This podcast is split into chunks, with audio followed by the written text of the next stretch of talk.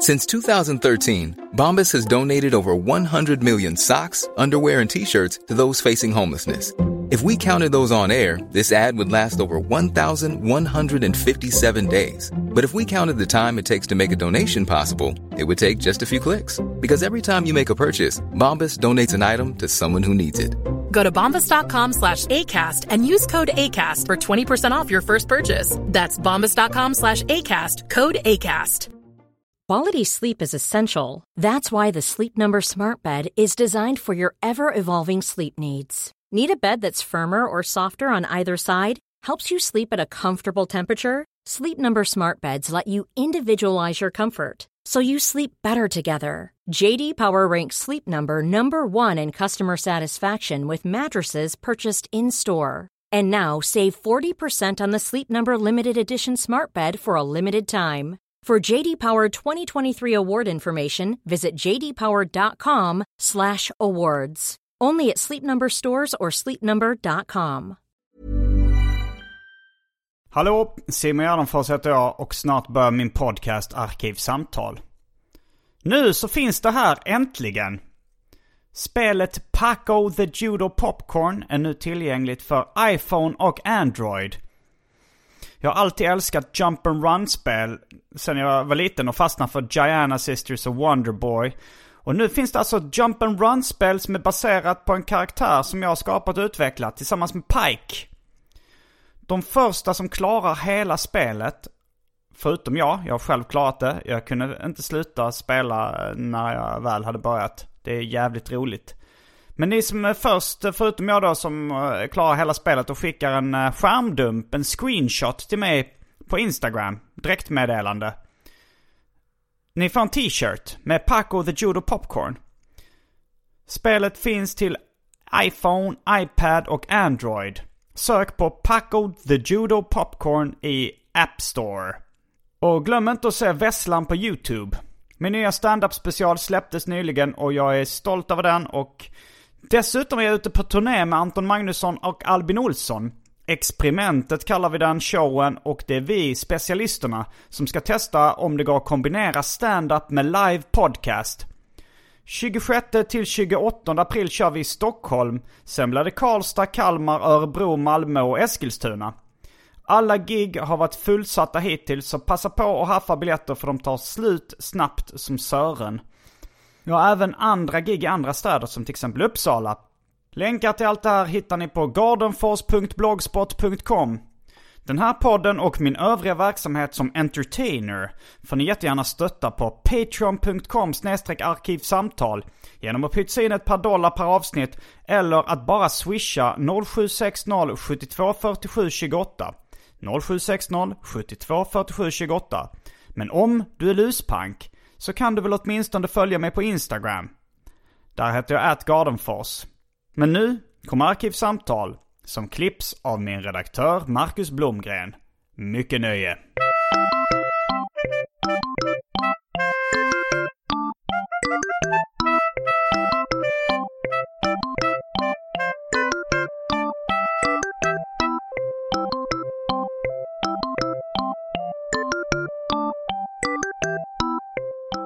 Hej och välkomna till Arkivsamtal. Jag heter Simon Gärdenfors och mitt emot mig sitter Johan Vanlo. Hej Simon!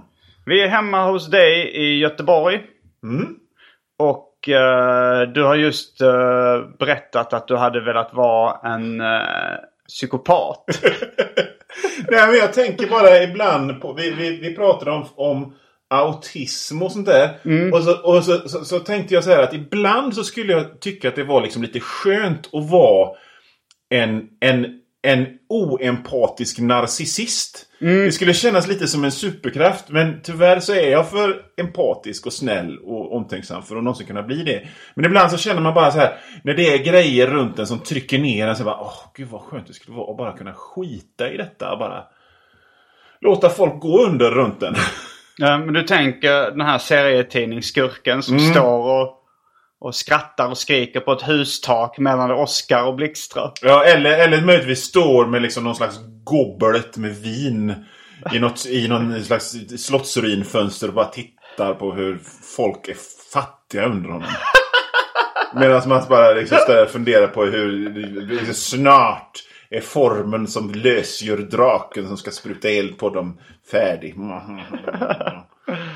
Ja. Mm, vad sa du? Vingoblet? Vad fan heter det? En karaff? Nej, inte en karaff utan en sån här. Inte ett glas, inte en vinglas utan en... Kupa? En kupa fast av metall. Vad fan heter det? Aha, en, eh, en bägare? En bägare. Ja, just det. Bägare. Jag, jag associerar det med mjukglass så jävla mycket bara. Vi... Bägare här där man står med en metallbägare med diamanter på. Så, mm. Uh, ja, men uh, jag förde medvetet in uh, på spåret dryck där. Mm. För nu har det blivit dags för det omåttligt populära inslaget Välj drycken.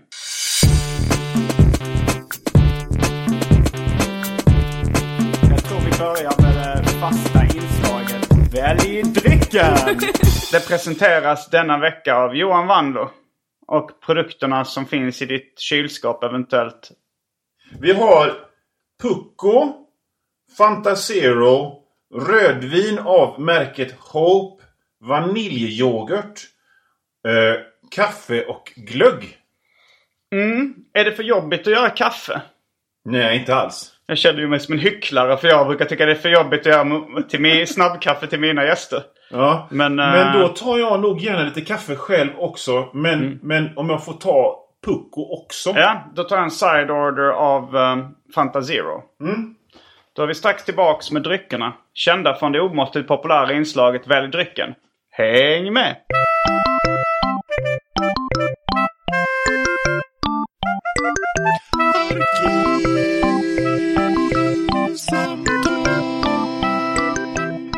Då är vi tillbaks med dryckerna kända från det omåttligt populära inslaget Välj drycken. Kaffe och uh, Pucko och uh, Fanta Zero. Just det, jag får spr snabbt springa och hämta puckon bara. Mm. Ursäkta. Mm, för jag vill ha båda. Jag vill ha puckon och Mm. kaffet samtidigt. Jag vill att det ska gifta sig. Mm. Vad tyckte du om kaffet Simon? Eh, väldigt gott. Det var... eh, Det hade allt som eh, jag kräver av en kopp kaffe. Det var inte beskt. Det var inte någon uh, syrlighet att prata om. Nej. Eh, och det, och det var, kändes ändå starkt. För jag känner så här att, att, att jag, eh, jag tycker mitt eget kaffe är det godaste kaffet. Och det är liksom inget finlir. Jag har en vanlig kaffebryggare. Och kör med Gevalia mellanrost. Men jag har en liten hemlighet och det är som, som min mamma har lärt mig. Det är att man gräver en liten grop längst upp. I kaffe. Man skopar upp kaffet. Så det här blir när man liksom- har det i Melitta-filtret. Ja, och så blir det ju en pyramid. Men så Ja. gör man en grop längst upp. Och så samlas det ner, så rinner det ner, så suger det åt sig det göttaste på ett mycket mer effektivt sätt. Aha. Mm. Alltså, kan det vara så att man får mindre smak av Melitta-filtret och mer smak av kaffe på det sättet? Nej men jag tänker mig att det rinner ju ner på sidorna. Mm. Så det blir inte lika effektiv kaff, vattenvirvel ner igenom. Eh, om, det låter, om det får rinna ner på sidorna som det blir när man gör gropen. Den får liksom en, den får ett försprång smakmässigt. Hävdar jag. Tror jag. Så- Ah, det var klicktestet på puckolocket. Det, det kommer jag ihåg från barnmatsburkar och sånt att det stod på dem att om, ju, om det klickar så betyder det att produkten är färsk. Jag tänkte precis fråga vad klicktestet var, men okej. Det lät klick när du öppnade den. Ja, ingen Men det är väl varit- förmodligen då om mjölken har jäst lite, om den är för gammal. Då har den redan klickat liksom. Eller någon sån här godissugen personal som bara öppnar och tar sig en liten liten Ja, slickar lite på att den är kanten. öppnad. Mm, men då är vi tillbaks eh, och eh, temat den här veckan eh, det är strippserier och skämtteckningar. Just det. Du eh, själv har ett rätt speciellt gig. Kan du prata om det offentligt? Alltså jag, jag, jag, har, ju- jag har ju många gig men, Mm. men just idag när du skulle komma hit och hälsa på mig så, så är mitt gig eh, som jag ska återgå till sen när du har gått. Det är att jag skriver Helge.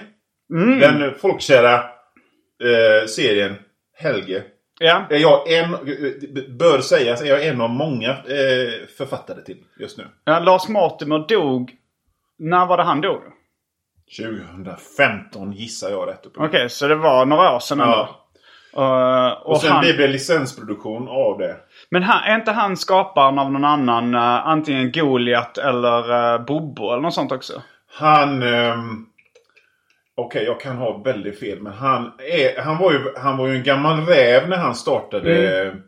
Helge.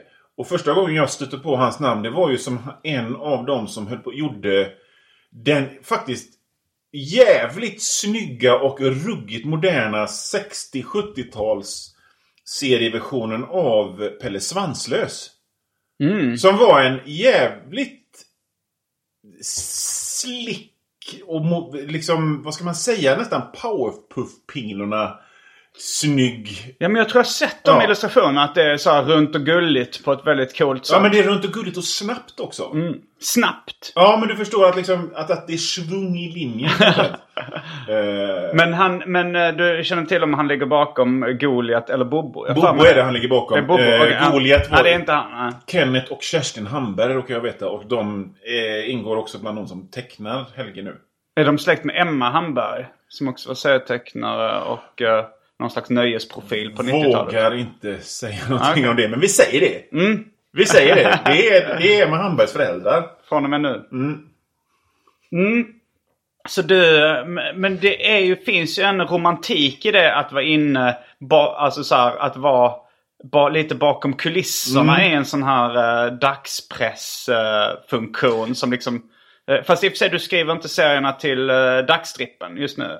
Alltså det är ju, dags, det är ju dagsstrippar jag, det är ju strippar jag skriver. Mm. Sen har jag även skrivit någon veckoserie och någon, två längre historier. Men grejen är att jag, alltså jag kan ha fel, men jag, jag tror att det är så här att den serien som går ut till dagstidningarna nu. Eh, Det är Lasse Mortimers, för jag är Lasse med Lars Mortimer. Mm.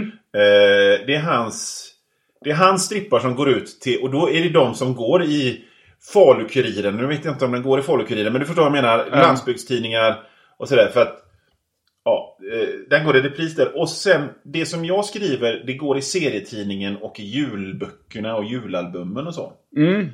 Eh, och de har så vitt jag vet inte dykt upp sådär i dags... Men det kommer det väl, det är nog tvunget att göra så småningom. Ja. Men du har ju rätt i det liksom att, att jag gillar den...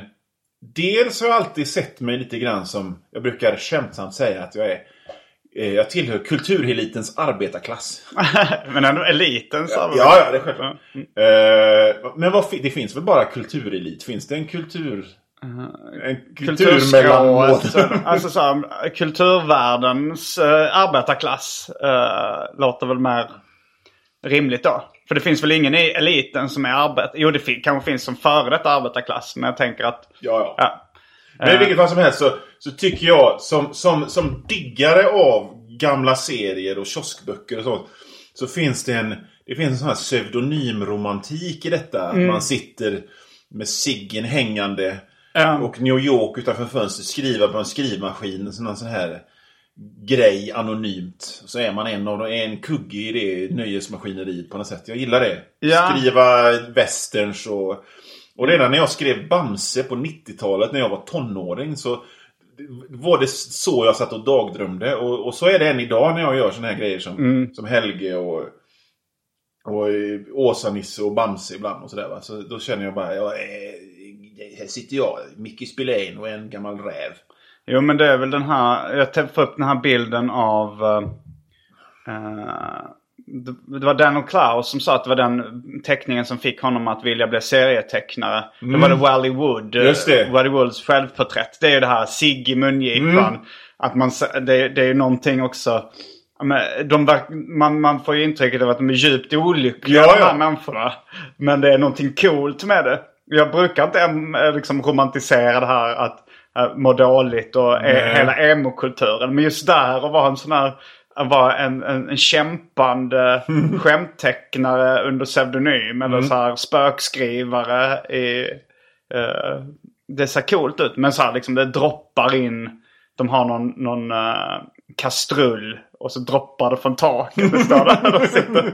Ja, precis. Och så, så, så kedjeröker de. Ja. Och så kunde de... Men liksom, det är min bild av hur seriebranschen såg ut på 30, 40, 50-talet. För det fanns ju... Eliten. Jag läste en bok om Al Cap. Han som gjorde... eh, Knallhatten. Knallhatten. Little Abner.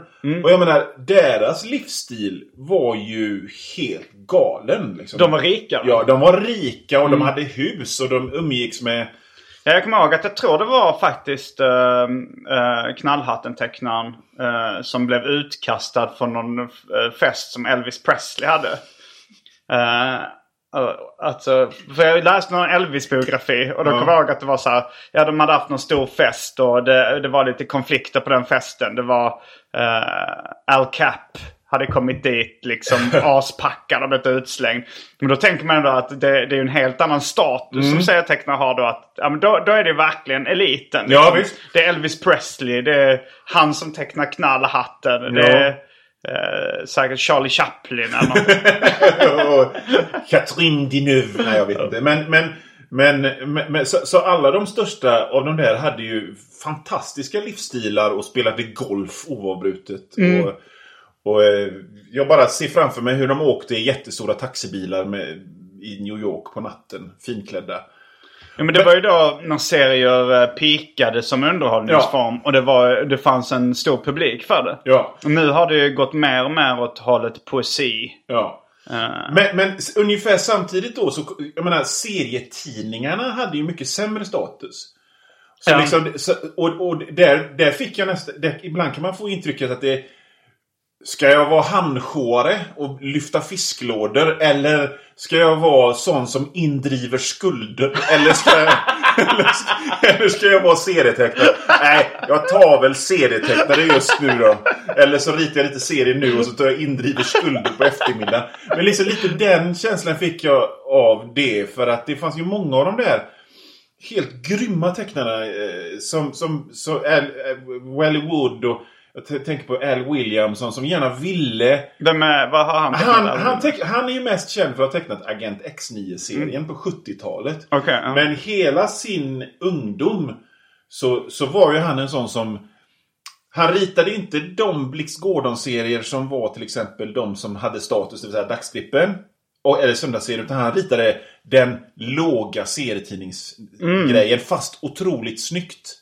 Men här- är det du gör nu med Helga, att du skriver uh, julalbums och Yeah. serietidningsversionen. Yeah. Um, Och, det, och, och liksom halva nöjet är ju att jag liksom gottar in mig i den goa blueskänslan.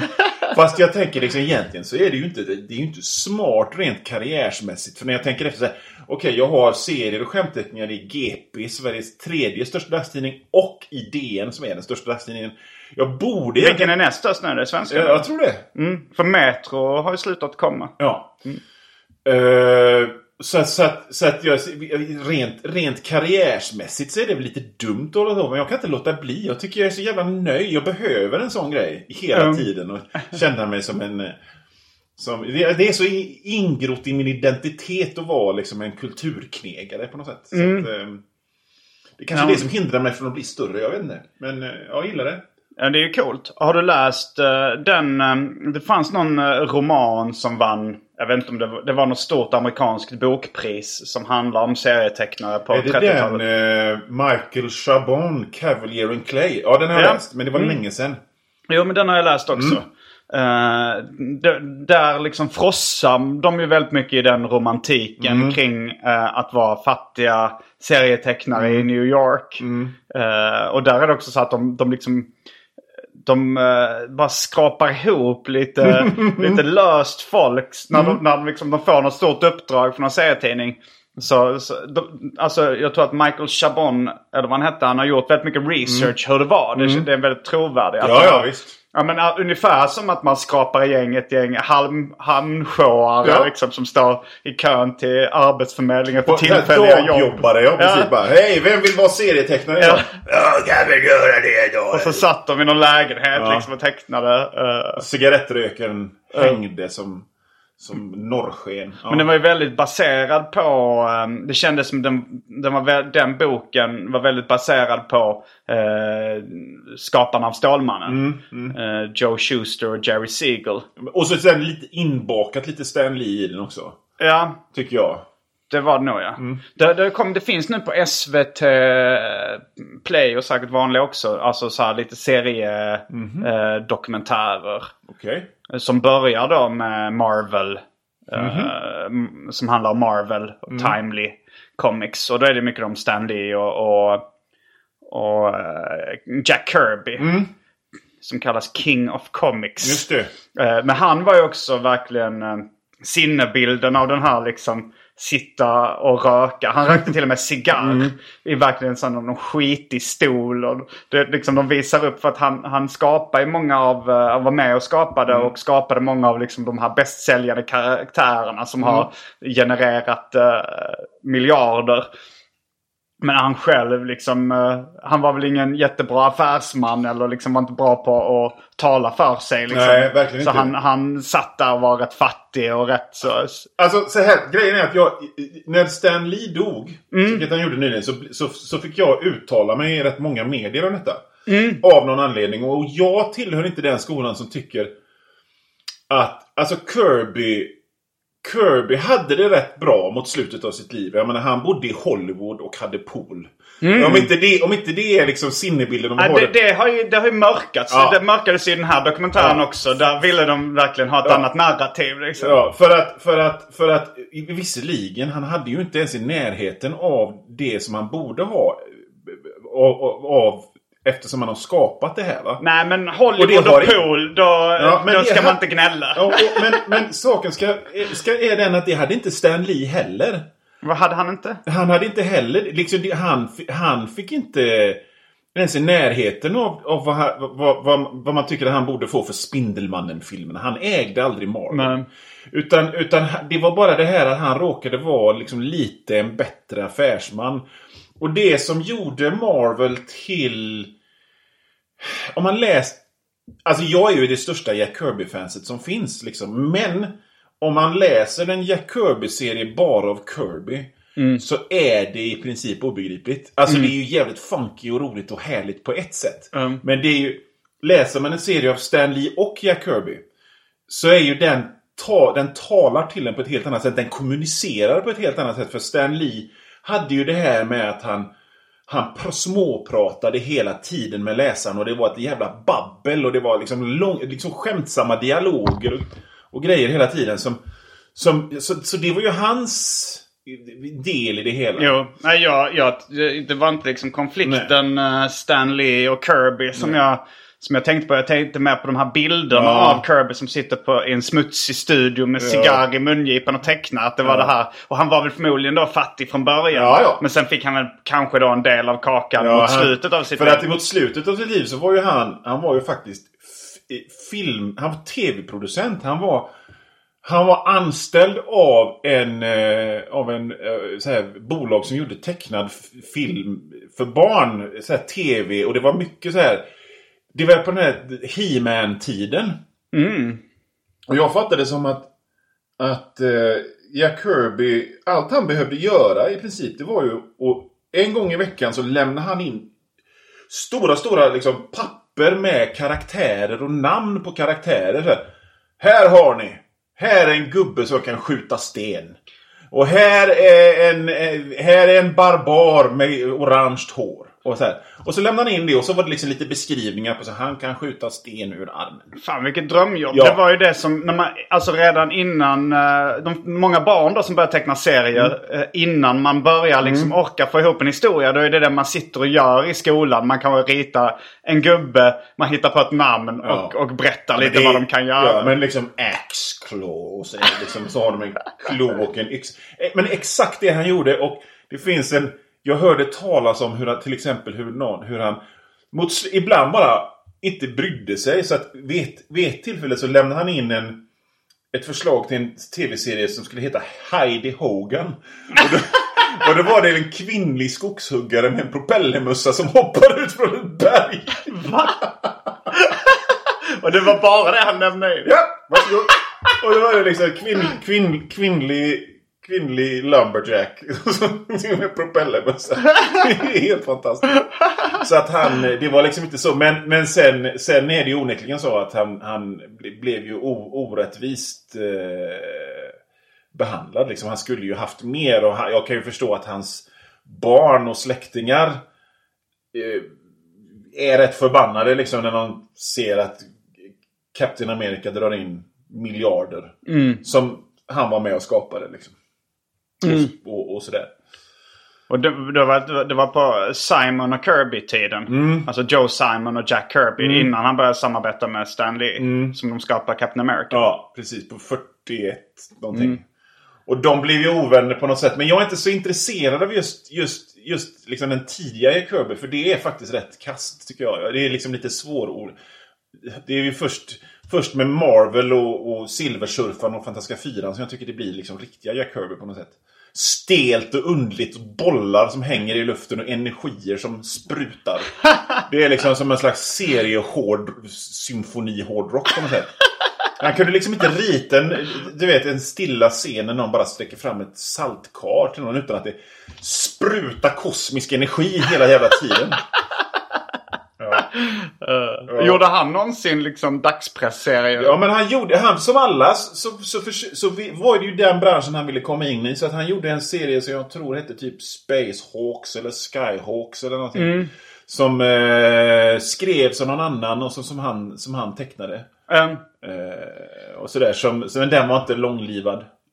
Fan, jag tror jag fick ändå lite en, eh, en smak av det där eh, när jag precis, eh, när jag var liksom 20 år, hade liksom, skulle börja försörja mig som serietecknare. Mm. Att, för det var också, det, kände, det, det finns ju mer romantik i den fysiska världen i, än i den digitala världen tycker jag. absolut. Så det var, det var verkligen det här att jag gick upp liksom med en mapp till, jag, jag såg så här, okej, för en dag så vaknade jag så hade då eh, tidningen Metro börjat distribueras även i Skåne. Jag visste att den fanns i Stockholm och att eh, eh, då eh, hade Martin Kellerman redan börjat teckna Rocky för den tidningen.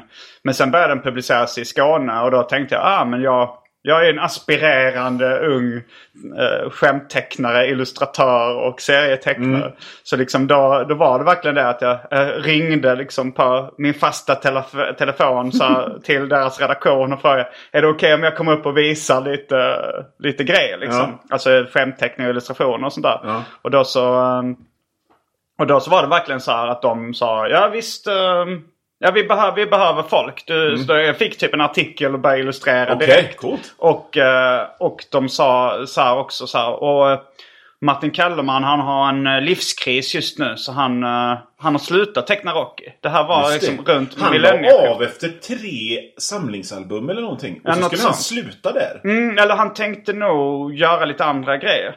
Och då hade de... Nej, nej vänta, jag fick först så sa de så här, ja, men det, äh, det var liksom dåligt betalt och så. här, Men de sa, ja men gör en lokal stripp också liksom. Som utspelar sig i... eh, i eh, jag tror, eh, det kanske var mitt eget initiativ då att det skulle utspela sig i, i Malmö-Lund-regionen. Så jag gjorde då liksom en, eh, en självbiografisk strippserie eh, med det fyndiga namnet Simon Gärdefors.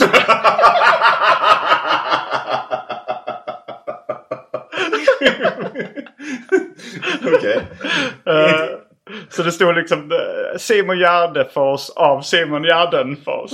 Och det, det var väldigt mycket krångel kommer jag ihåg. För att de korrläsarna ändrar ofta det i sista sekunden. Okej, här står det fel. Nej, det ska vara Simon Gärdefors av Simon Gärdenfors.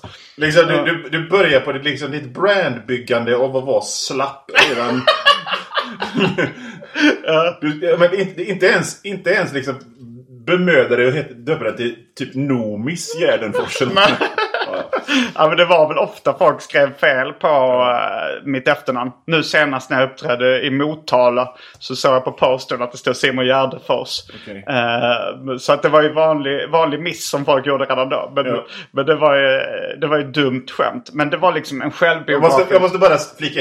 Det är, inte, det är, det är ingen, liksom, det, det är ganska nära. Inte som när jag kallade för Stefan vann genom några svenska serier. Jaha, det är någon som har missuppfattat ditt namn som Stefan. Något så in i helvete liksom.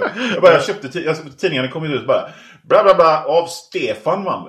Eh, Och, och så sen i när, när sista numret av den omgången av svenska serier kom. Så hade de liksom en sån här Vietnamveteranvägg av namn. av alla som hade varit med. Då var det Stefan vann och som stod. Ja. Fortsätt. Ja, nej men, eh, nej, men det var under den här perioden också jag liksom gick runt med min eh, fysiska mapp med teckningar och så här. Och kanske till någon reklambyrå i Malmö också och fick något så här. Ja men gör skisser på det här så får du tusen kronor. Och då kommer jag ihåg också i receptionen. Eh, jag frågade efter liksom någon art director eller någonting. Så sa jag, ja vem ska jag hälsa från? Eh, Simon. Och då såg jag att hon skrev på lappen som hon S-E-R-M-U-D. Särmud. jag vet inte om det finns ett namn som är Särmud. Eh, Men, eh, men då så började jag teckna eh, strippserien Simon Gärdefors. Eh, kläckte en del gags. Det handlar väl också då om... eh, eh, ja men det, var, det handlar väl om att vara liksom så här arbetslös och, och uh, SOS-bidragstagare och flytta till Möllevångstorget och sånt. Eh, 1997 tror jag det här var. Eh, det var bland annat då jag kläckte eh, skämtet om Arbetsförmedlingen som, som jag sen körde stand-up om men väldigt långt senare. Att, jag, eh, att jag söker jobb. Att, nej men att jag, så här, jag går på SOS och så tvingas jag då eh, eh, söka jobb för att få mer socialbidrag. Jag vill egentligen inte ha något jobb. Nej, Eh, och så, så får jag fylla i så här, jobbsökningsformulär. Vilket, vi- vilket var en sann historia också. Att man, man sa, ja, eh, för att få så måste du vara inskriven på Arbetsförmedlingen. Eh, när du skriver in dig på Arbetsförmedlingen så måste du fylla i den här mm, liksom, jobbsökningsformulären. Och då, om man inte vill ha jobb då skriver man ju väldigt osmickrande saker om sig själv. Eh, så jag skrev, ja men... Skäl. Själ. Jag stjäl. Jag kan inte låta bli att stjäla grejer. Ja, nej, men, eh, så jag skrev väl så här, men, att, eh, utbildning, tv och bla bla. Ja, men, så Ja. trams. Eh, och sen så slutklämmen i serien och i skämtteckningsrutinen. Det är ju inte samma som var i verkligheten. Men då är det då att arbetsförmedlaren kommer in. Simon, vi vill att du börjar jobba här på Arbetsförmedlingen. Klassiskt uh, gag-twist. Ja, sätt. ja, men gag. men sån, sådana skämt var det jag gjorde i den här kortlivade då. Men sen, sen var det väl också att för att jag började göra den lokalt i då Malmö-Lund-regionen. Och sen så när, eh, när, eh, rock, när Martin Kellerman då fick sin eh, kris och slutade teckna Rocky. Då så fick de panik på Metro och så sa de bara så här. Okej, vi plockar upp eh, vi, eh, Rocky ersätts av Simon Gärdefors. Okej. Och jag var rätt grön som serietecknare. Mm. Och folk eh, saknar ju Rocky väldigt mycket. Det var ju verkligen inget drömläge. Mm. Nej, nej, folk nej. hatar ju Simon Gärdefors. jag vet inte om jag skulle ta det personligt att folk hatade Simon Gärdefors. Men, eh, men det var ju det var verkligen så här.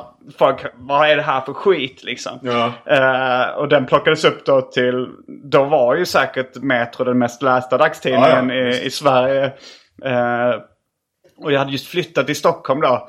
Eh, Jag kommer ihåg när ni, när ni kom i Skåne så var det ändå folk som gillade liksom kanske av lite så här lokalpatriotiska skäl också. Men eh, jag- möttes ju bara av en vägg av hat som konstnär. När jag, när den, och den, den, den, den droppades ju ganska snabbt. Ja. Ersattes i Skåne av Arga Gubben.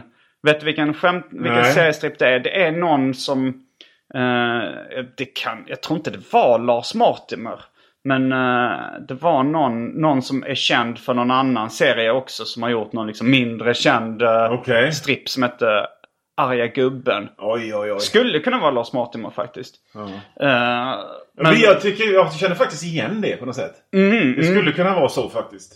ja, det, Om det fanns något sätt att kolla upp detta kanske? Ska vi... Jag nej, jag, nej, nej, nej, jag bara, jag bara drog ett skämt om att jag inte vet om att det finns... Det, vi, liksom, vi, vi har Google i våra mobiltelefoner nu. Men, Ja, nej men det, det, får, det får lyssnarna eh, skriva in till, uh, till Arkivsamtal eftersnackgruppen på Facebook.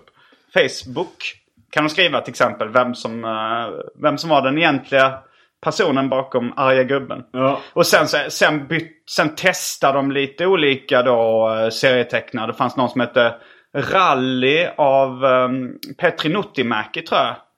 Eh, som även en manusförfattare, en av två manusförfattare bakom filmen Smala Sussi. Okej.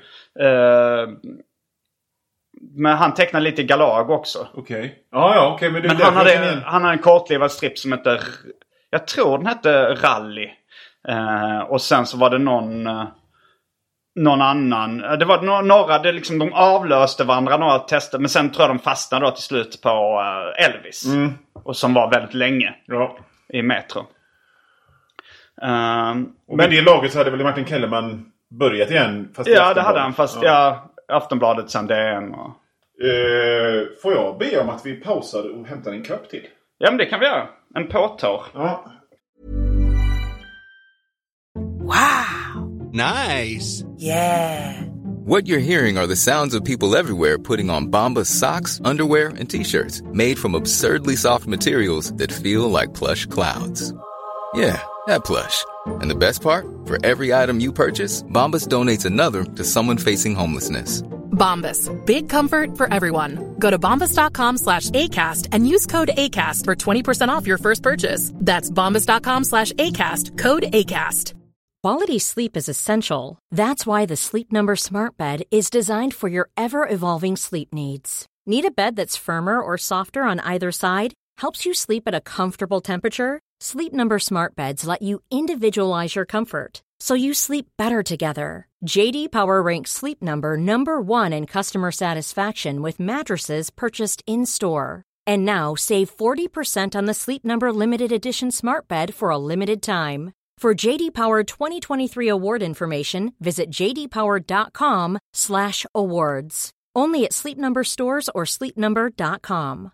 This is Paige, the co-host of Giggly Squad, and I want to tell you about a company that I've been loving, Olive and June. Olive and June gives you everything that you need for a salon quality manicure in one box. And if you break it down, it really comes out to $2 a manicure, which is absolutely insane. It's also so easy to get salon worthy nails at home with Olive and June. The difference between how your nails used to look when you did them yourself and now with the Manny system is a complete game changer. The best thing about Olive and June too is it's a quick dry. Dries in about one minute, lasts for five days, and full coverage in up to one to two coats. Visit oliveandjune.com slash perfectmanny20 for 20% off your first system. That's oliveandjune.com slash perfectmanny20 for 20% off your first system. Så är vi tillbaks med nya drycker. Vi, ungefär samma, av samma dryckeskaraktär. Kaffe och jag tror lite mer Fanta också. Jag har ju aptit på livet så jag bara hällde i mig min pucko fort som fan. Mm, härligt. Eh, jag ser att du har en eh, Garfield samlingsalbum eh, eh, på bordet. Är du Garfield med katten Gustav? Ja, Det står ju Garfield där. just det. Jag, jag kunde inte låta bli. De har börjat eh, ge ut eh, Gustav från början i ganska fina böcker. Mm, vilket så- förlag eh, är det? Detta förlaget är Random House. Okej, så det är ett väldigt stort amerikanskt bokförlag. Ja. Men det är ju tydligt att de har liksom plankat Fantagraphics eh, Snobben Ja, Peanuts-utgåvor som är här. designad av eh, Seth va? Chip Kid och Seth tror jag det är. Okej, ja. Eh, Två stjärnor inom uh, bokformgivning. Kanske framförallt Chip, Chip Kid är väl den största bokformgivningsstjärnan i världen. Ja. Skulle jag gissa på. Just det. Och, och, ehm, och det är väldigt tjusigt och det är väldigt Chris Ware-igt och det, det är liksom lite, lite gammeldags. Så att de, de ger ju Garfield det, det här, the, the Complete Peanuts treatment. Ja. Liksom det är samma format, lika snyggt och sådär. Jag kunde Ja, det är inte riktigt lika snyggt måste jag bara inflika. Nej, jag tycker att de har, inte- de har inte liksom den känslan riktigt som Seth och Chris Ware har. Men Nej, nästan. Nästan. Men Ja. det- är det de skjuter efter. Mm. Uppe. Men jag kunde fan inte låta bli att köpa den för att Nej, jag blev sugen själv även om jag... eh, alltså som en katten Nisse-fan har man ju alltid haft ett horn i sidan till katten Gustav. Men för, för grejen är så här att när jag, när jag var sådär tonåring och 20-åring så, här, Mm. så, så var det liksom narrativet var att Gustav var det sämsta, katten Gustav var det sämsta som fanns. Mm. Men jag, jag har nog berättat om detta förr i, i Arkivsamtal men på äldre dagar har jag blivit liksom helt sjukligt serieintresserad. Mer än vad jag någonsin har varit tidigare. Och då var jag inte lite serieintresserad. Så att, så att jag ser, alltså, och det här är ju anledningen till att jag typ älskar att skriva Helge också. För att, vad fan, Helge, det är fint att se det. Och, så att jag så att jag har ju kollat upp sådana här grejer så- som Gustav, hur den är. Och jag måste säga att jag tycker den är faktiskt rätt rolig. Och jag tycker om den här grafiska enhetligheten och, och allt Ja, det det, där. var många rutorna som... Alltså kopierade han rutorna? Att de är sam, likadana? eh, Han tecknade inte om det liksom? Säkert senare. Och jag menar, jag, det skulle inte förvåna mig om man hade ett, ett, en, ett rum fullt av assistenter och han inte gör ett skit. Lever Jim Davis? Ja, han lever. Han är 75 år. Ja, jag tycker det, att bildgoogla Jim Davis uh, ger mig, har gett mig ett större skratt än att läsa Katte Gustav. Han ser skojig ut. Ja. Alltså att det, finns, jag vet inte vad det är med hans utseende. Ja, det är en glimt i ögat och liksom sån här... Men man fa- alltså för Så pausa podden och bildgoogla Jim Davis. men, men grejen är så här att... att så att jag, jag, jag håller inte med det här äh, snacket som blir så automatiskt att, att Gustav skulle vara dålig. Och så, och så tittar man på tidiga Gustav då. Då ser man ju, och, och bildgooglar Jim Davis, så ser man att Jim Davis som ung var... Han var, om inte långhårig så hade han åtminstone jeansskjorta som inte var nerstoppad. Så han var lite... Han var lite en rebel. Ja. Och, och, och i början, eh, eh, 1978 då när serien började, så är det ju tydligt att serien är väldigt undergroundig och väldigt fruktansvärt modern för sin tid. Och lite skevt och snett tecknad. Ja, det och påminner lite... om, jag bläddrade lite i det, det påminner lite om Robert Trump och Gilbert Shelton. Ja. Eh. ja man, man fattar att liksom det var de som man åtminstone har tittat på. Och, så, och så, så för man in lite Arnie Boschmiller i det hela.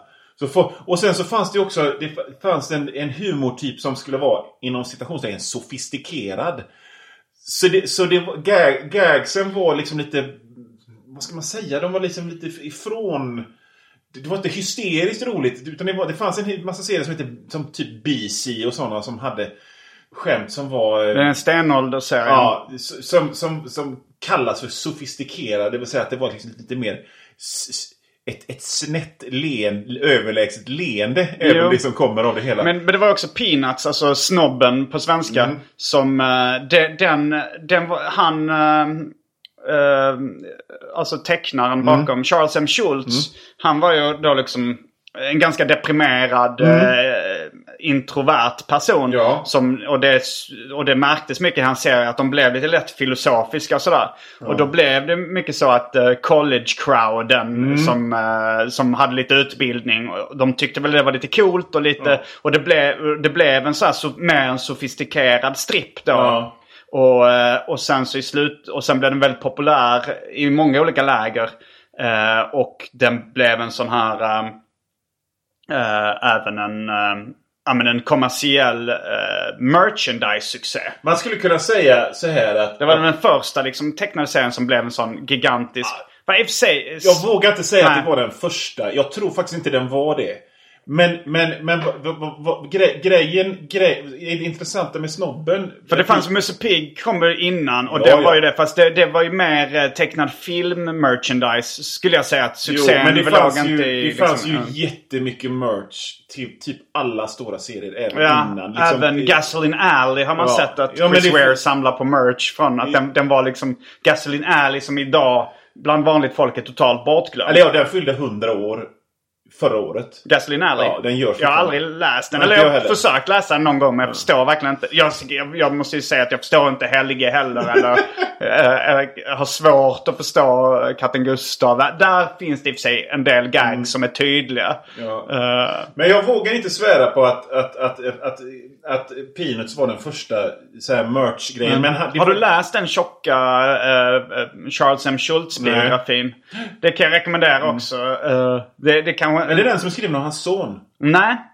Eh, den, i, det, det kom en som blev liksom en sån amerikansk bästsäljare Ja, som, som man kunde köpa på flygplatser i Ja. USA också. Liksom, som var, men den är svinigt bra den boken. Alltså det, den, det tar lite längre tid att läsa 600 sidor än att bara bildgoogla Jim Ja. Davis om man vill uppleva någonting. Men, men jag, hade, jag hade en poäng här. Och Ja. det, det, det, det, det var liksom att dels så... Det intressanta här är ju liksom att, att Snobben är ju konst. Serien Snobben är verkligen konst. För att det är ju ingen... Den är ju så jävla ledsen. Och nere. Och melankolisk. Så det är ju knappt att det är humor överhuvudtaget. Det är ju tragik. Ja. Samtidigt då så ska det sättas i motsatsförhållande till att Charles M. Schultz bara sa ja till allt. Ja, kommersiellt. Allt! Mm. Varenda jävla liten plastgrej som, man, som, som de kom till honom. Kan vi göra det här? Ja! Alltså, alltså han sa inte nej till någonting. Vilket blir ju rätt intressant. Mm. För eh, så. Men sen om man då ska liksom... Om man ska titta på liksom släktskapet till Gustav då. Mm. Så är det ju faktiskt ganska lätt att tänka sig en del snobben och dess sofistikation. Eller Mm. om, det inte är, om det ens är ett ord. En del eh, Robert Crumb och Gilbert Shelton. Eh, så, och så en del som jag har glömt jag tänkte mig. Tycker- Så, så blir det liksom Gustav av det. Jo, men det, jag läste det i den här eh, Charles M. Schultz-biografin också då för att eh, när, det var ju då ehm, 78 som eh, Garfield, katten Gustav, debuterade. Och, eh, och snobben var kanske... 1950. Ja, och han, han, han hade ju en lång period då liksom att han var den största serietecknaren i, i jag vet, kan kanske säga världen. Jag vet inte hur den kinesiska seriekulturen ser ut men, men i västvärlden i alla fall. Och han drog in, liksom, han var ju verkligen herren på täppan, Charles M. Schultz.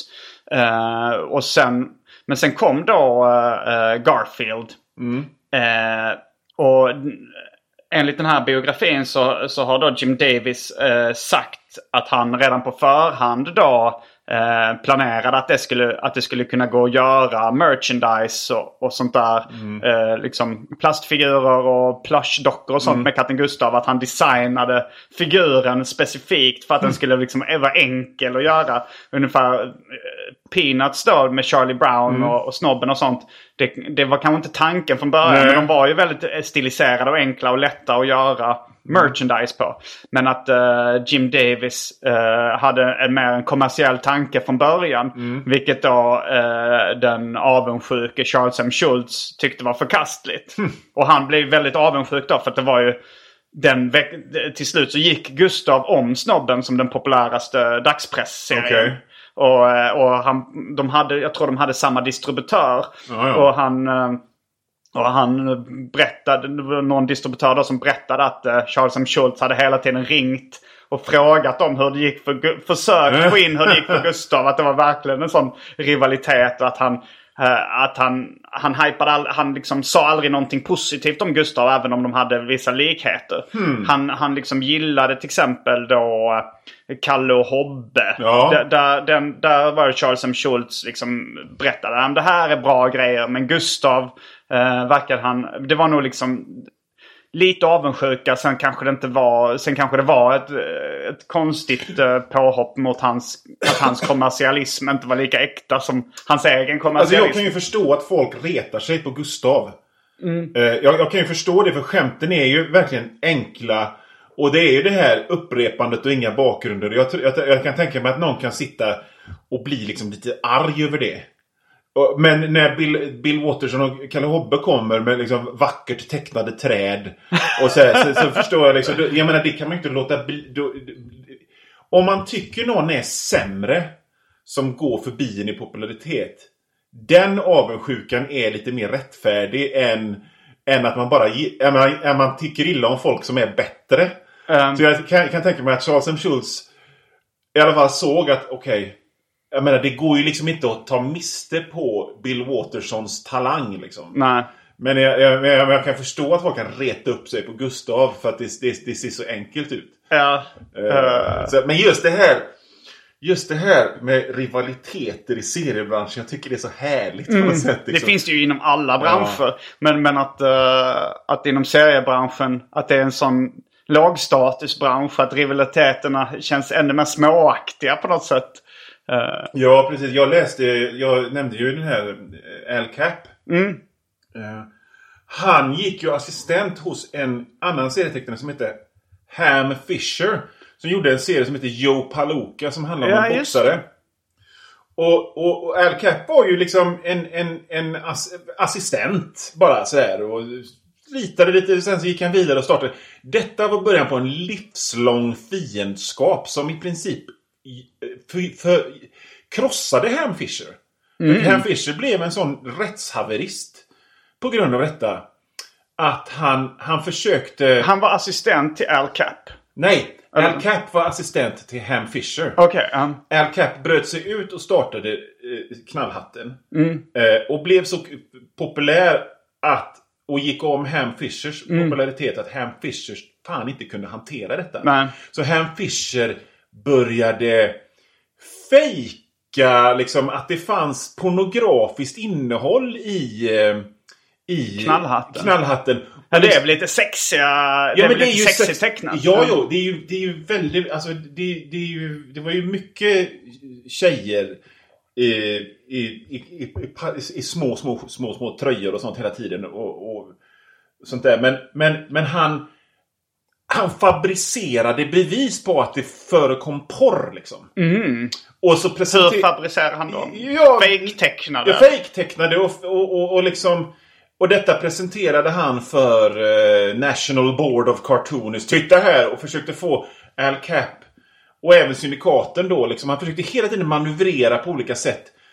Eh, och detta ledde till att, att Ham Fisher blev mer och mer och mer ensam och mer och mer deprimerad. Dessutom tog han livet av sig. Liksom. Och det Ja. finns ju många som tror att det har med den här fejden med Al Cap att göra. Och Al Cap i sin tur var ju samtidigt en jävligt fruktansvärt utåtriktad människa. Och, och Han gick på fest med Elvis. han gick på fest med Elvis och han umgicks med, med filmstjärnor hela tiden. Och han skaffade sig kompisar hela tiden. Och han, han levde en fantastisk livsstil. Och han åkte runt på olika liksom... Fan, jag vill säga biopicen om Ja, Al ja men fan. Det, det hade varit helt grymt.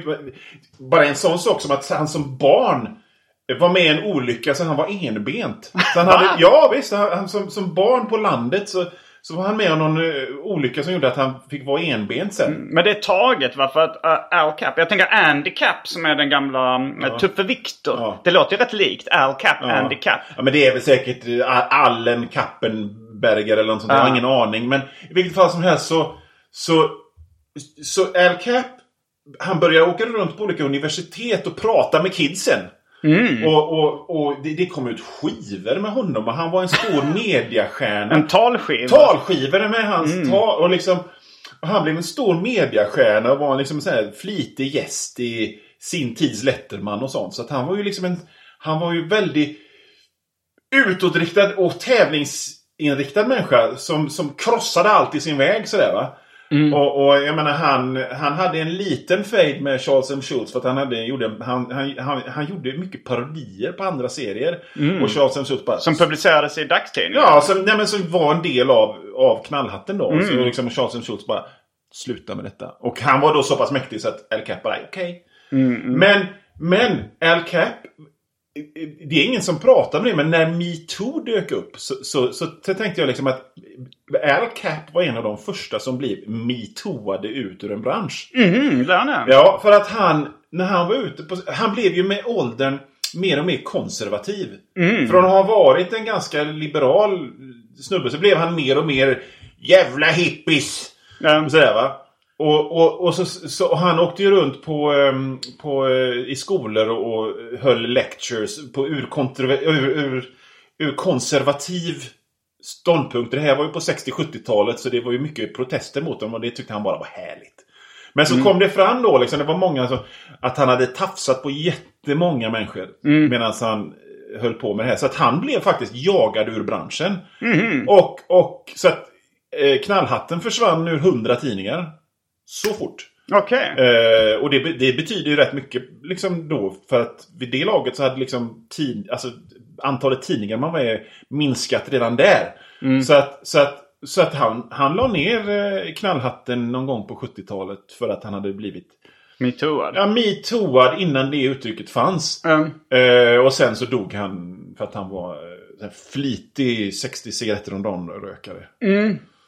Det är samma anledning som Walt Disney dog. Ja. Men jag tänkte börja bli konservativ eh, med åren. Det gjorde ju även en av mina favorittecknare, Basil, Daniel Ahlgren, nej. Basil Wolverton. Just det. Eh, han, eh, han tecknade liksom i Mad bland annat. Och tecknade väldigt coola grejer. Eh, men han mot slutet av sitt liv var jag för mig att han gick med i någon religiös organisation. Som eh, fördömde all eh, förkastlig litteratur och underhållning. Bland annat tecknade serier. Okej. Så att han liksom... Svårt. Ja, väldigt konstigt. Men var det inte i samma veva han tecknade... Han te I sin vanliga, helt konstiga stil. eh, bibelbilder. Gärna om apokalypsen, om livet efter att Jesus har stigit ner och hämtat alla rättfärdiga och så sen helvetet på jorden. Och de är hur fräcka som helst för det är bara demoner som suger i hjärnan ur folk liksom och sånt. Ja, det, det, låter, det låter rimligt. Men, men han är ju, jag tycker han är nog en av de bästa tecknarna genom tiderna. Ja, ja. Basil Walterton. Det höll du med om? Som Jag att det var har, en självklarhet. jag har eh, Space Angel alldeles där. Men eh, jag tänkte också på katten Gustav. Jag, kan, ju- jag måste komma in på katten Nisse när vi då eh, Just pratar det. om Gustav. För när jag, min, min storebrors hans kompisar läste katten Gustav som barn. Den serietidningen var stor på 80-talet. Ehm, och då... ehm, och sen blev jag, eh, så, så började jag köpa katten Nisse-tidningen. Och jag tyckte inte den var jättebra då. Men jag så hade bestämt mig för att det skulle bli min favorittidning. Jag hade bestämt mig för att bli en Nisse-diggare liksom. Det var min identitet. Men jag kunde ju ändå läsa, när jag läste Gustav, jag förstod ju att det var intelligentare humor i Gustav. Den riktade sig mer till vuxna. Medan Nisse var lite mer en barnserie. Måste, Eh. det är just den, här, den här grejen att bestämma sig för någonting. Det är ju en, liksom, du har ju kommit lindrigt undan. Jag tänker på de här gubbarna som bestämt sig att, att eh, vad heter, vad heter han nu, Thomas Quick var skyldig. liksom, att, att, att deras bestämdhet i denna frågan har, liksom, har, har pajat deras liv mer än, än ditt, din, liksom, att du bestämde att katten Nisse var din melodi. Ja. Och för jag kände ändå på mig så här, okej Gustav, det har, det, alltså det har ju bättre kvaliteter än manusmässigt. Ja. Eh, men, och, och sen så var det ju det också för att jag trodde ju att Nisse-tidningen kom efter Katten Gustav-tidningen i Sverige. Så alla trodde ju att här kommer ännu en tjock orange katt. eh, som är lat. Ja. Eh, Alla trodde ju då att Nisse var en, eh, en kopia, billig kopia av Katten Gustav. Du visste bättre. Efter ett tag. eh, s- jag, jag försvarar ju Nisse i alla fall då. Trots att jag trodde att det var en kopia. Men sen så fick jag reda på att det var tvärtom. Att eh, Nisse hade kommit före. Ganska Några år. långt före, eller? Eh, ja, jag vet inte om... Det, det var ju serier då med... eh, Eller det var skämtteckningar med katten Nisse i, i dagspressen. Sen tror jag kanske det var söndagssidan var en serie. Ja. Eh, och, och ja, det, så mycket långt före var det nog inte. Det var kanske fem år tidigare. Man kan, man kan ju ta ett exempel här om hur låg status serietidningar har. Genom att eh, liksom ingen pratar någonsin om att det fanns eh, på 60-talet en, en Snobben-serietidning. Som inte gjordes av Charles M. Schultz. Som tecknades av någon annan. Ja, men tecknades av liksom G- G- Gummo Okänsson på förlaget. Och, och det, detta var ju jättevanligt. Det fanns en Knasen-serietidning med långa serier. Liz of Slugger fanns det också. Ja, och du vet, och, men, men det, det, det hade så låg status så det räknas överhuvudtaget inte. Men, man borrar lite här i bakgrunden. Men det får vi stå det var ett med. sidospår, men, men, Mm. men bara så att man vet det att, att liksom serietidningar hade inte den betydelsen. Liksom. Nej, folk... Eh, alltså, ganska mycket är, är ju folk blanka fan i serietidningar Och jag menar, det, även skaparna gav ju blanka fan. För att, liksom, jag menar, för att, för att då, då, då, då, ja, men jag gör, nu gör jag, nu gör jag dagstrippen och, Mm. och, och sådär. Så, så kan ju ni göra den här serietidningsversionen. Det skiter jag i. Ja, det är väl ungefär som de tänker. Nu kommer det ut t-shirts med min figur. Det är någon annan bara biprodukt av det. Eh, men, men Katten Nisse, det, det, den tecknades av George Gately som var skämttecknare. Och sen när han uh, slutade teckna så togs det över av eh, hans brorson. Peter Gallagher. Jag köpte någon sån här DVD med, med Katten Nisse tecknade filmer bara för att det fanns ett sånt extra material där. som jag inte vet om det har letats ut på YouTube eller sådär. Men det var liksom så här. Följ med tecknaren in i studion. Okej. Så då, då, då slantade jag upp för den här DVD-boxen med Nisse för att få det här extra materialet. Och, det, och han då, det, där har vi den här eh, romantiken vi snackar om. Ja, ja. Att han sitter i en sån här liten skitstudio i New Jersey. Ja, ja, ja. Och tecknar liksom som hans eh, farbror eller morbror eller vad det var. Eh, han fick ärva den strippen liksom. Jag har och, han, och, han, och han har börjat, och liksom nu har det blivit lite ett meme liksom på internet. De nya Katanisse-serierna för att de, de är så obegripliga Ja. att han jag, jag har en teori om att folk som gillar liksom Laban eller Gustav och sånt, att de skrattar inte längre åt serierna. Nej. Utan de vill bara ha det som sin morgonrutin och läsa igenom det. Och sen bryr de sig kanske inte om det är så roligt, bara de får den rutinen att läsa det. Det är ju en vanlig grej med strippserier. Mm. Att, att, att det, det handlar inte om att det är roligt, utan det handlar om att det är trevligt. Det, Mm. alltså, det mysigt, ja. finns ett skämt som man kan känna igen som ett skämt, men skämtet i sig är inte roligt. Men det finns liksom en setup och en punch. Och punchen är trevlig, inte Men- rolig. Men det, men det var nu har då Peter Gallagher, eh, han verkar ha lämnat det här att det, nu så kan man knappt känna igen att det är ett skämt längre. Nej, nej. Alltså det är så här, jag så, för jag, har- jag följer då eh, Heathcliff som han Ja, heter på ja. engelska på Instagram. med. Och det, det var, häromdagen var det så här. En, en syborg går förbi på gatan. Mm. Alltså hälften robot, hälften människa. Och så står, går Nisse bakom. Och så är det en sån caption text under. Jag hatar måndag. Det så, och det kan också vara så här en, en apa i en pansarvagn åker in i staden. Och så står det så här. eh, jag ska köpa mjölk. Alltså nu, nu improviserar jag. Ja. Men mm, Men, ungefär för jag, har, jag, har, jag har ett färskt skämt i huvudet. Ja. Eh, de är ute på stan. Folk har guldfiskskålar på huvudet. Och så säger de I like this town. Och det var, det, var någon, det var någon journalist som eh, ville gå till botten med det här. Ja. Så här som, eh, han försökte få tag på då, eh, Peter Gallagher som eh, den nuvarande Nisse-tecknaren heter. Han var jättesvår att få tag på. Han hade liksom inte så mycket sociala medier. Han hade någon e-mailadress som han kollade några gånger om året liksom. Eh, och så fick han till slut tag på honom och då var det bara så här. Uh, vad är grejen med det här? Och han, han svarade bara så här, "Jag tycker man ska inte förklara skämt. Något sånt svarade han. Ja, men den är ju fruktansvärt underhållande. Det, det, men men det, det är ju, det är ju skitkonstigt verkligen. Jag rekommenderar alla att leta upp nya Heathcliff. Det är, det, det är, om, om, du, om, om, det är som att David Lynch börjar skriva manus till Katten Nisse på något sätt.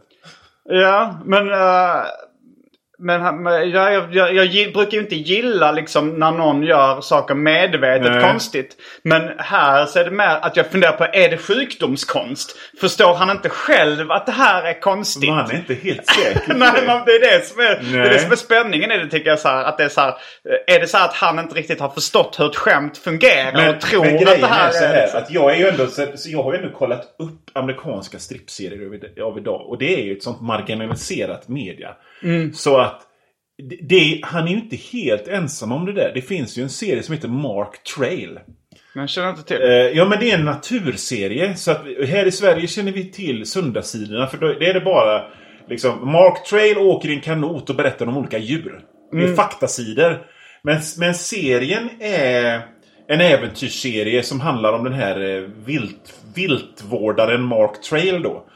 Eh, och den är så jävla illa tecknad och så underlig då. Så att, så att man, man tänker liksom, det, det ser ut som outsiderkonst på något sätt. Men det är bara det här liksom att den är så jävla regelbundet förekommande som gör att man inte eh, kan... Eh, man kan liksom borträkna det att det är, är riktig outsiderkonst för att den kommer ändå varje dag. Men det kan mycket väl vara så här att det är en pratbubbla som hänger i luften mellan ett stup. Och så är det ingen där. Eller, eller, eller en, en, en, en, en ruta som bara är...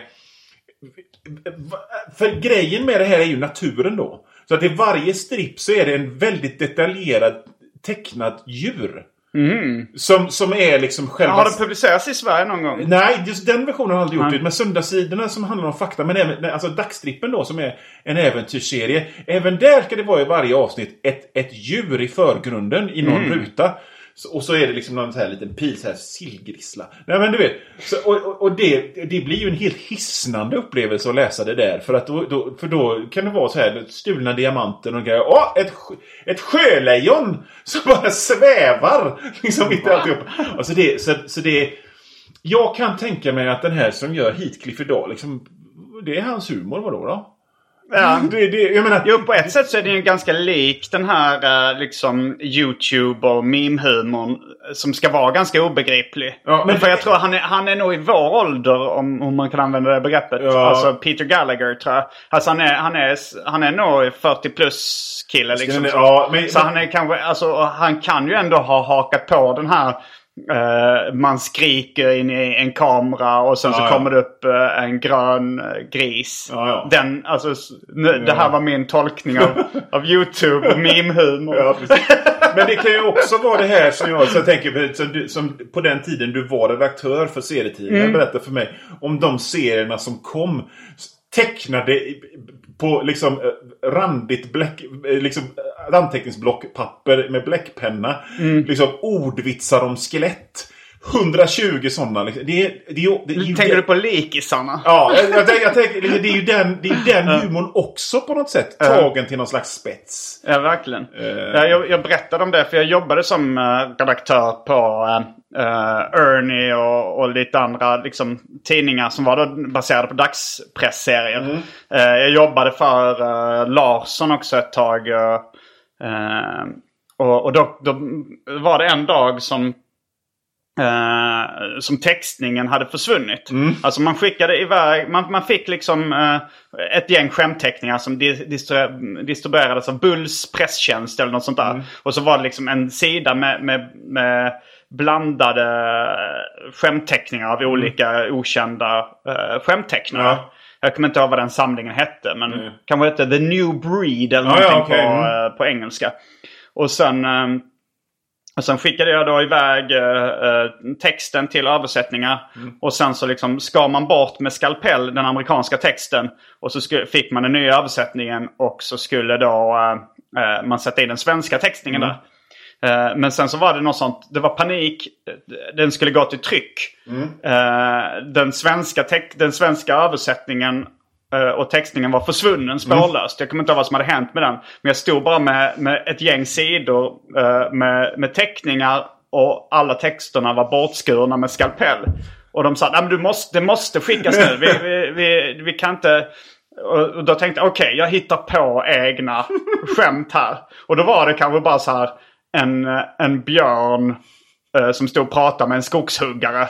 Och sen så skulle man då hitta på en text under som skulle vara ett skämt. Och jag kom verkligen, jag hade inte läst, jag hade bara skickat iväg de liksom, sidorna. Jag hade inte läst dem ens innan. Nej. Jag tänkte, ah, men vi bara kör de här nu liksom. Jag var inte jättebrydd om, om skämtteckningssidan i Larsson. du måste känna för att leta upp det här numret Ja, med dem. jag, Alltså, måste, hade jag, kul, jag alltså. hade gärna velat se det. Om någon lyssnar. Jag, det är så svårt eh, att... det- och jag är inte säker på om jag stod med i redaktionsrutan. Det här var Nej. nog strax efter millennieskiftet. Det var, det var nog mellan år 2000 och eh, 2002 någon gång. Ja. Och eh, det, det enda jag minns att det var en björn i en av skämtteckningarna. Men att, och då så hade jag väl så här tio minuter, en kvart på mig innan det skulle skickas iväg med, Okej. någon, med någon slags TNT-bud eller liksom någon, eh, ja det var väl en kopia till, vad heter den där kända budfirman? Skitsamma. Ja.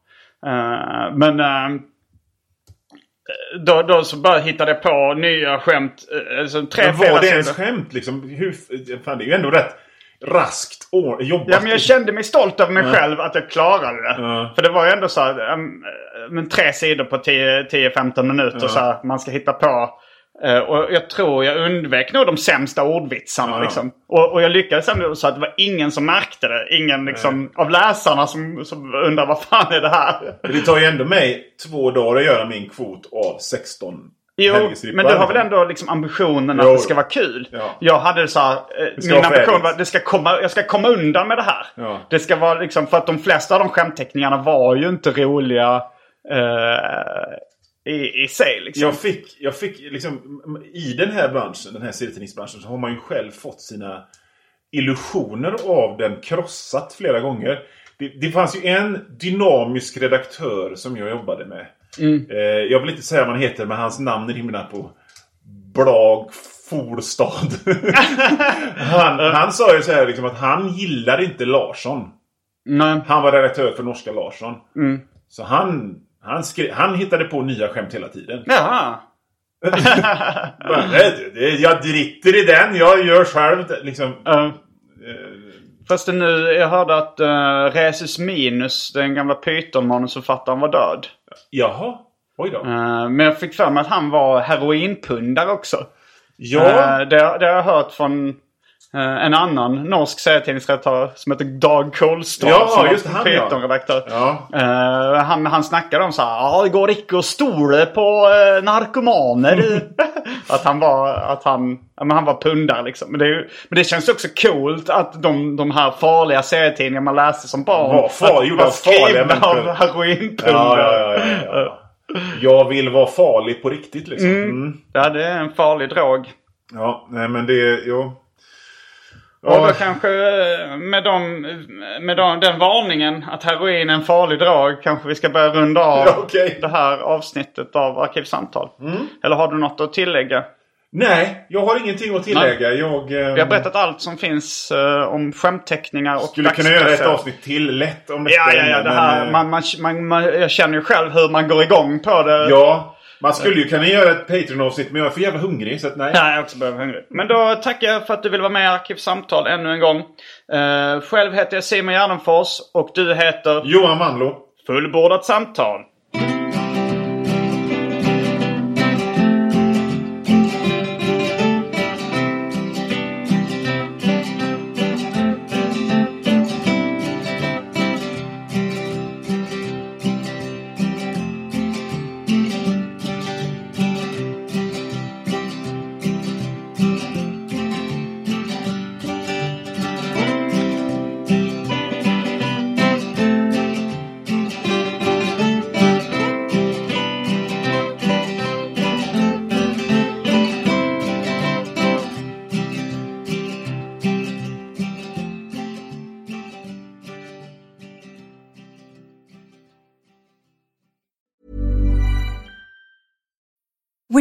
Mealtime inspiration, it's worth shopping Kroger, where you'll find over 30,000 mouthwatering choices that excite your inner foodie. And no matter what tasty choice you make, you'll enjoy our everyday low prices, plus extra ways to save, like digital coupons worth over $600 each week. You can also save up to $1 off per gallon at the pump with fuel points. More savings and more inspiring flavors make shopping Kroger worth it every time. Kroger, fresh for everyone. Fuel restrictions apply.